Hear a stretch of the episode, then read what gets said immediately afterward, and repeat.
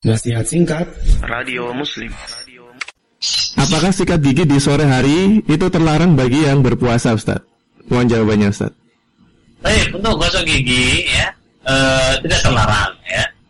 Yang terlarang itu adalah ketika kemudian orang itu barangkali sambil minum e, apa air air gosok giginya itu yang kemudian terlarang. Adapun kemudian dia gosok gigi maka tidak masalah. Ingat tadi kita sebutkan dalam definisi makan dalam istilah fikih disebut bahwa makan itu e, memasukkan sesuatu ke lambung melalui mulut. Jadi kalau itu yang dilakukan maka membatalkan pu puasa.